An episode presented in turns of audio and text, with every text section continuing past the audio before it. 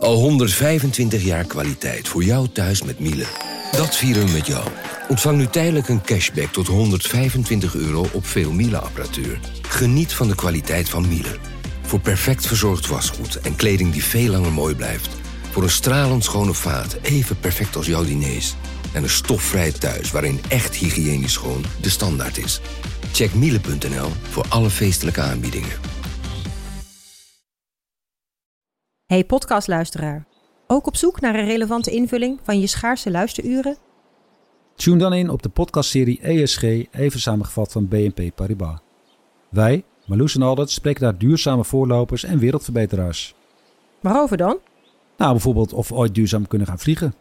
En waarom koeien in de stad nou een goed idee is? Dat en meer elke twee weken in een nieuwe aflevering. Dus abonneer je. ESG, even samengevat.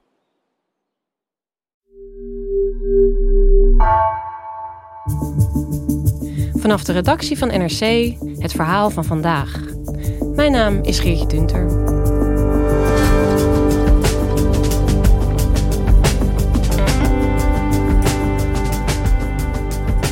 De pandemie indammen door inzage te krijgen in de locatiegegevens van alle Nederlanders. De overheid zou wel willen, maar het mag niet volgens de privacywetgeving. En toch kreeg het Statistisch Bureau van de overheid, het CBS, twee jaar geleden wel zeer gevoelige data van miljoenen T-Mobile klanten, ontdekte binnenlandredacteur Wilmer Hek. Hoe kon dit gebeuren?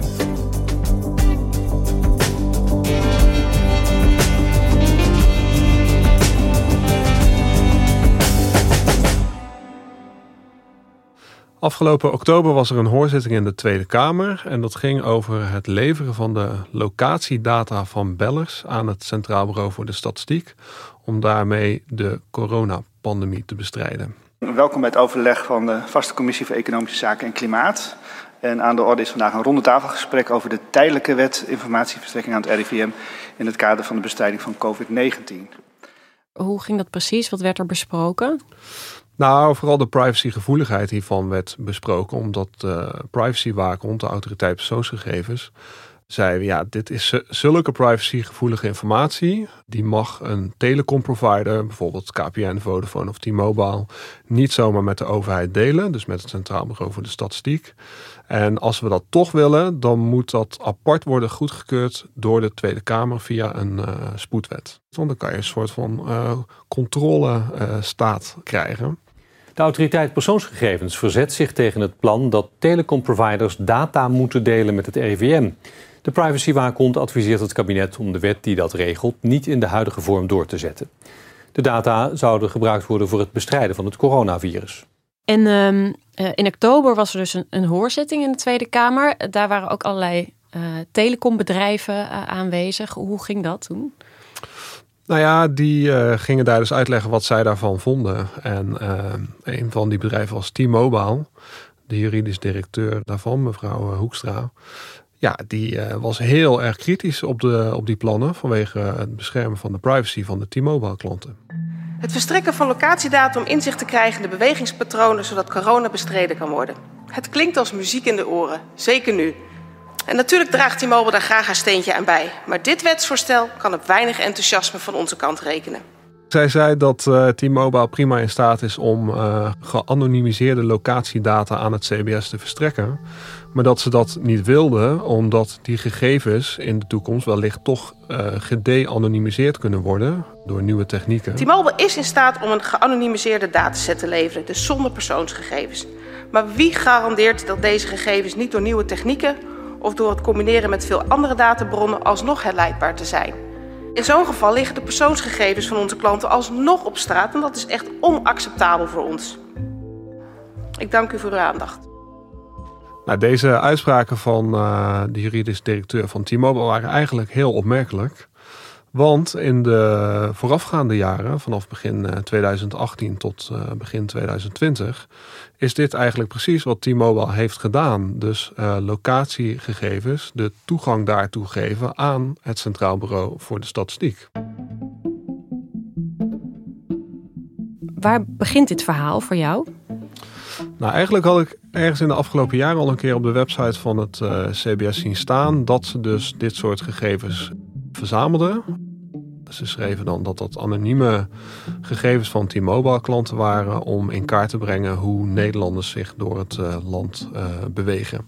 En toen dacht ik al wel van, hè, dat is toch best wel vreemd, want die data zijn zwaar beschermd onder de telecommunicatiewet. Uh, maar goed, ik ben, ben er toen verder geen onderzoek naar gaan doen. Maar pas afgelopen voorjaar, toen er dus het plan werd opgevat om met deze gegevens de coronapandemie te gaan bestrijden. En toen dacht ik natuurlijk van, hè, maar het CBS deed dit al. En uh, daar heb ik toen ook wel een artikel over geschreven. En uh, heb ik dat uh, aangestipt. Ja, T-Mobile deed het al met uh, het CBS. En daarop zei de autoriteit persoonsgegevens van ja, inderdaad, dit is gek nou ja, ik neem aan dat ze dat zelf ook ooit wel hadden gezien op de website van het CBS. Maar goed, ze reageerden in ieder geval verbaasd. En zeiden van, wij gaan dit uitzoeken. Ja, en wat kwam er uit het onderzoek? Uh, niks, want uh, ik belde in het najaar weer met de uh, autoriteit persoonsgegevens en vroeg hoe het ermee stond. En toen zeiden ze ja, uit tijdgebrek vanwege de coronacrisis zijn wij nog niet aan toegekomen. Nou, toen dacht ik, nou, dan moet ik het zelf maar doen. En toen heb ik dus met een beroep op de wet openbaarheid van bestuur documenten over deze samenwerking tussen het CBS en T-Mobile opgevraagd bij het CBS. Dus jij deed een, uh, ja, een WOP-verzoek, zoals het dan heet. Dan uh, uh, moet je doorgaans eventjes wachten hè, voor je al die documenten krijgt. Maar goed, toen kreeg je dus waar je om vroeg. Wat, wat was dat allemaal? Nou, dat was best opmerkelijk, vond ik. Ik kreeg namelijk toegang tot honderden documenten. Mm -hmm. die ook daadwerkelijk heel veel inzicht gaven in wat er precies was gebeurd. Terwijl vaak als je bij de overheid wopt, dan wordt driekwart wit of zwart gelakt. En weet je nog niet hoe het zit. Maar in dit geval waren ze behoorlijk open geweest. Dus dat was positief. Ja, en wat is eigenlijk de belangrijkste conclusie die je uit al die documenten kon destilleren? Het allerbelangrijkste is dat bleek dat medewerkers van het CBS jarenlang op het eh, kantoor van T-Mobile, op laptops van T-Mobile, met de alleen gepseudonymiseerde locatiegegevens van T-Mobile klanten hadden gewerkt. En dat was tot nu toe onbekend. Maar wat moet ik me daar precies bij, bij voorstellen bij die gegevens? Wat konden zij zien van mensen? Ja, dat zijn locatiegegevens van mobiele telefoons waar dan alleen het IMSI-nummer, dat is het unieke nummer van iedere telefoon, uit is verwijderd en is vervangen door een willekeurig nummer. Alleen het punt is dat deze gegevens nog steeds als persoonsgegevens, oftewel herleidbare gegevens tot personen gelden. Wat, wat wilden ze daar dan eh, mee met die, met die T-Mobile data? Ja, met die data wilden ze dus een algoritme ontwikkelen waarmee ze op basis van de locatiedata van één telecomprovider, T-Mobile dus, konden bepalen hoe groepen Nederlanders zich door het uh, land bewegen. Het punt is dat je om, om zo'n algoritme te bouwen, heb je niet anonieme data nodig. Mm -hmm. en, uh, oftewel die gepseudonymiseerde data. En die uh, gebruikten ze dus om dat algoritme te maken. Ja, wat is nut van zo'n algoritme dan? Wat kan je ermee? Nou, dat je dus op basis van de gegevens van één telecom uh, provider kan kijken ja, hoeveel mensen er bijvoorbeeld iedere dag van Rotterdam naar uh, Utrecht reizen. En of dat uh, op een donderdag minder is dan op een, op een maandag. Of goh, op welke plek zou het handig zijn om een carpoolstrook aan te leggen. want daar is het vaak druk met automobilisten.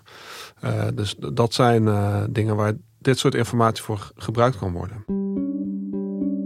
Het CBS wil dus graag een algoritme bouwen. Daar hebben ze gegevens van nu van miljoenen Nederlanders uh, uh, voor die ze daarvoor zouden kunnen gebruiken. Jij zegt, nou, dan kan je bijvoorbeeld zien uh, wie er naar Utrecht reist op een willekeurige dag. T-Mobile, hè, die werken hier aan mee. Maar waarom zouden ze dat eigenlijk doen? Ik bedoel, halen zij hier ook iets uit? Ja, kijk, officieel uh, zeiden ze van nou, wij vinden dit gewoon belangrijke uh, gegevens voor, uh, voor Nederland. Mm -hmm. En daarom helpen we het, het CBS hiermee. Oké, okay, nobel. Ja, maar in het contract tussen T-Mobile en het CBS stond ook dat T-Mobile zelf ook tijdens en na deze pilot uh, gebruik mocht maken van dat algoritme. Ja, dan betekent gewoon dat het dan een commerciële partij wordt die dit soort mobiliteitsinformatie uh, kan gaan aanbieden. En dat, uh, daar, daar konden ze gewoon geld mee gaan verdienen. Ze hebben dat, dat ook zelf toegegeven in een achtergrondgesprek. Mm -hmm. uh, van ja, wij wilden wel uitzoeken of we hier eventueel wat mee konden in de toekomst. Uh, of het winstgevend konden maken. En dat staat ook in die documenten.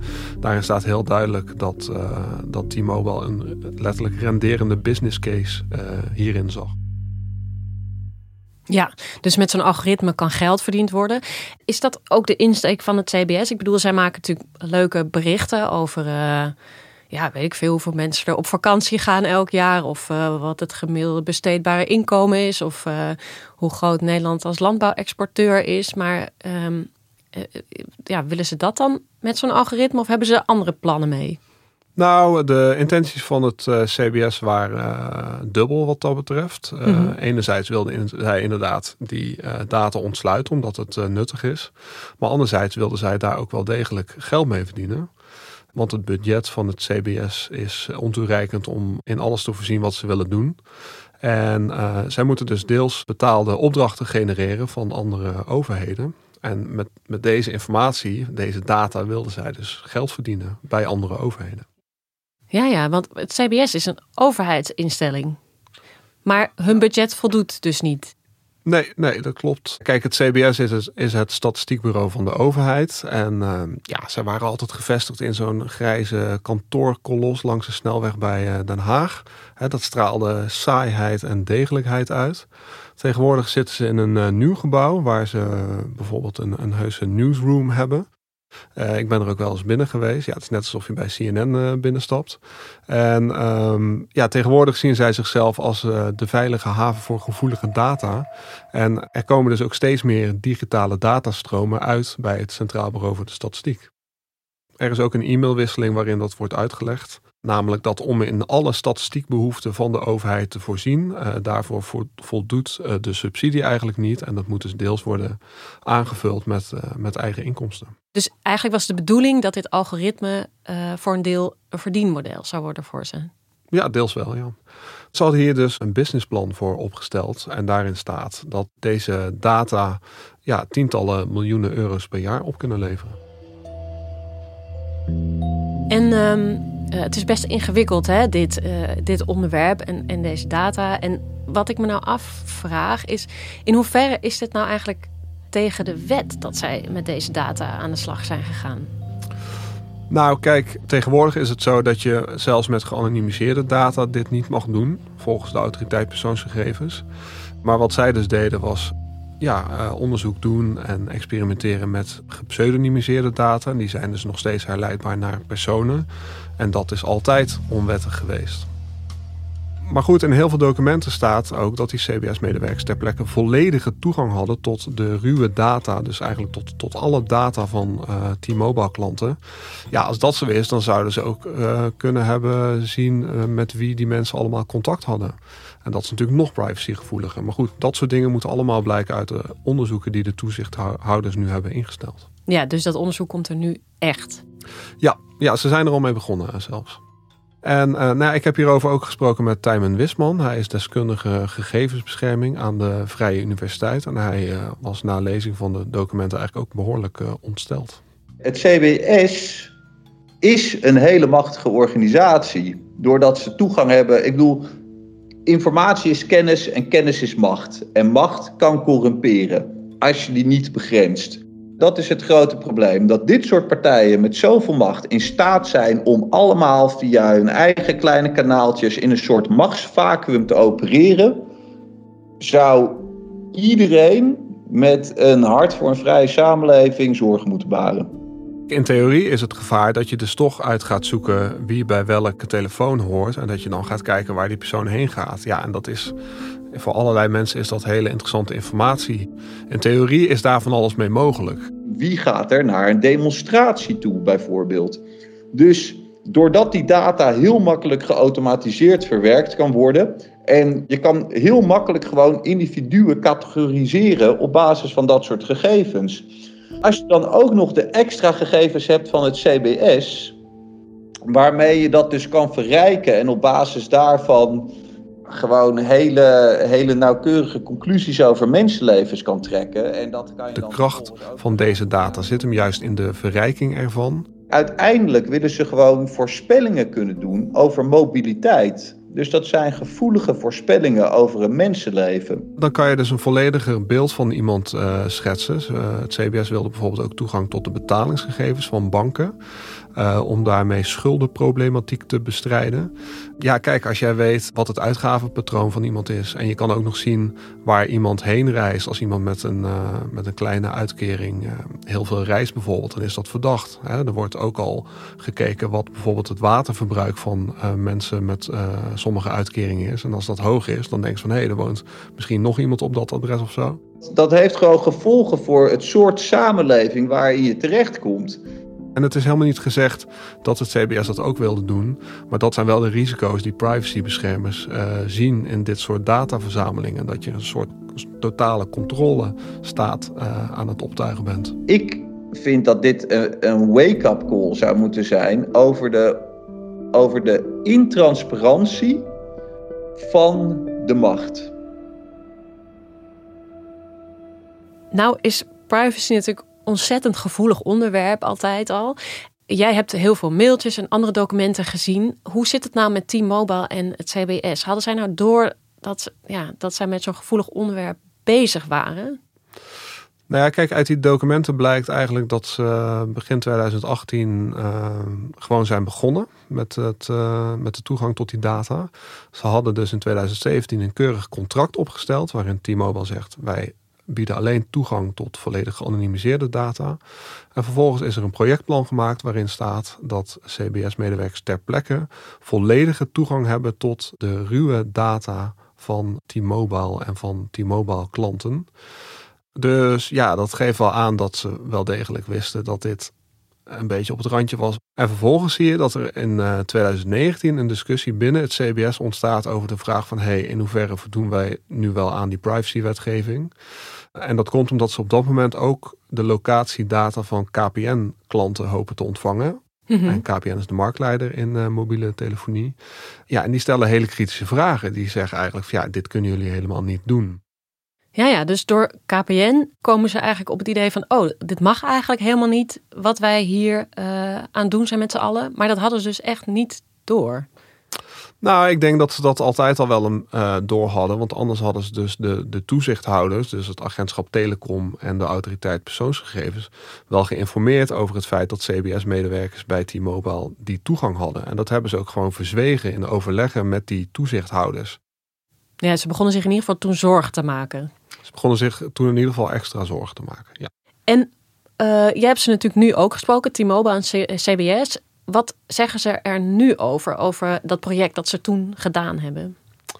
Ja, het CBS eh, erkent nu dat zijn medewerkers ter plekke dus uh, die toegang hadden tot gepseudonymiseerde persoonsgegevens. En uh, ja, ze zeggen wel dat, dat, uh, dat ze zorgvuldig met die gegevens zijn omgegaan en dergelijke. Maar ze zeggen nu ook wel van ja, achteraf gezien was het wel beter geweest als we daarover in gesprek waren gegaan met de autoriteit persoonsgegevens. En we willen voortaan ook nauwer overleg voeren met uh, de toezichthouder. Mm -hmm. En T-Mobile? Ja, T-Mobile is wel interessant, want die, uh, in tegenstelling tot uh, het CBS, ontkennen die dus dat het om persoonsgegevens gaat. Dus ze geven wel toe dat die CBS-medewerkers toegang hadden tot die gepseudonymiseerde locatiedata. Maar in tegenspraak met wat autoriteit persoonsgegevens uh, zegt, wat allerlei privacy-deskundigen zeggen, zeggen zij ja, dat zijn geen persoonsgegevens. En ja, ik denk dat zij, dat blijkt ook uit de documenten, zich heel erg zorgen maken over wat hun klanten hiervan vinden. Uh, ze hadden ook een onderzoeksbureau onderzoek laten doen hiernaar. En daarin, daaruit bleek inderdaad van nou, het PR-risico als dit naar buiten komt is erg groot. Dus mocht ook niet over worden gecommuniceerd. Mm en um, ja, ik denk dus dat ze nu tegenover hun klanten niet willen toegeven dat zij de overheid toegang hebben gegeven tot de persoonsgegevens van hun klanten. Maar ja, dat klinkt natuurlijk niet zo fraai. Nee, maar we kunnen wel doen alsof dat een soort definitiekwestie is uiteindelijk. Maar uh, ja, er komt een onderzoek, dus ik neem aan dat er een oordeel geveld gaat worden hierover. Wat zouden hier nou uiteindelijk de consequenties van kunnen zijn? Zoals ik het zie en, en, vele deskundigen die ik heb gesproken, uh, is hier gewoon de wet overtreden. En dat zou, uh, dat zou ze dus op een flinke boete kunnen komen te staan van de toezichthouders. Oké, en bedoel je dan T-Mobile of ook het CBS?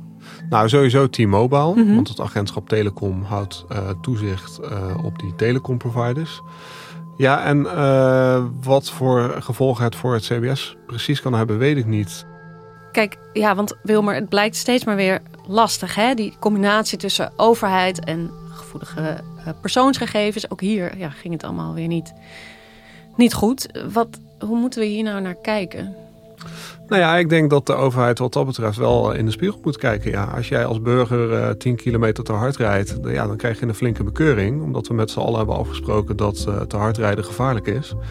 En uh, ja, we hebben ook afgesproken dat uh, bescherming van hele gevoelige, uh, privacygevoelige persoonsgegevens belangrijk is. Dus als bedrijven dat soort wetgeving schenden, dan worden ze doorgaans flink bestraft met hoge boetes. En ja, dan moet de overheid dat zelf, die wetgeving natuurlijk ook gaan, gaan respecteren.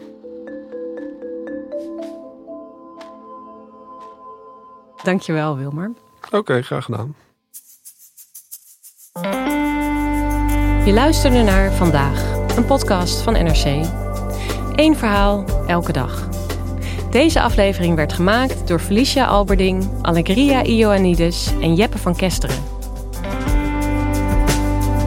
Dit was vandaag, morgen weer.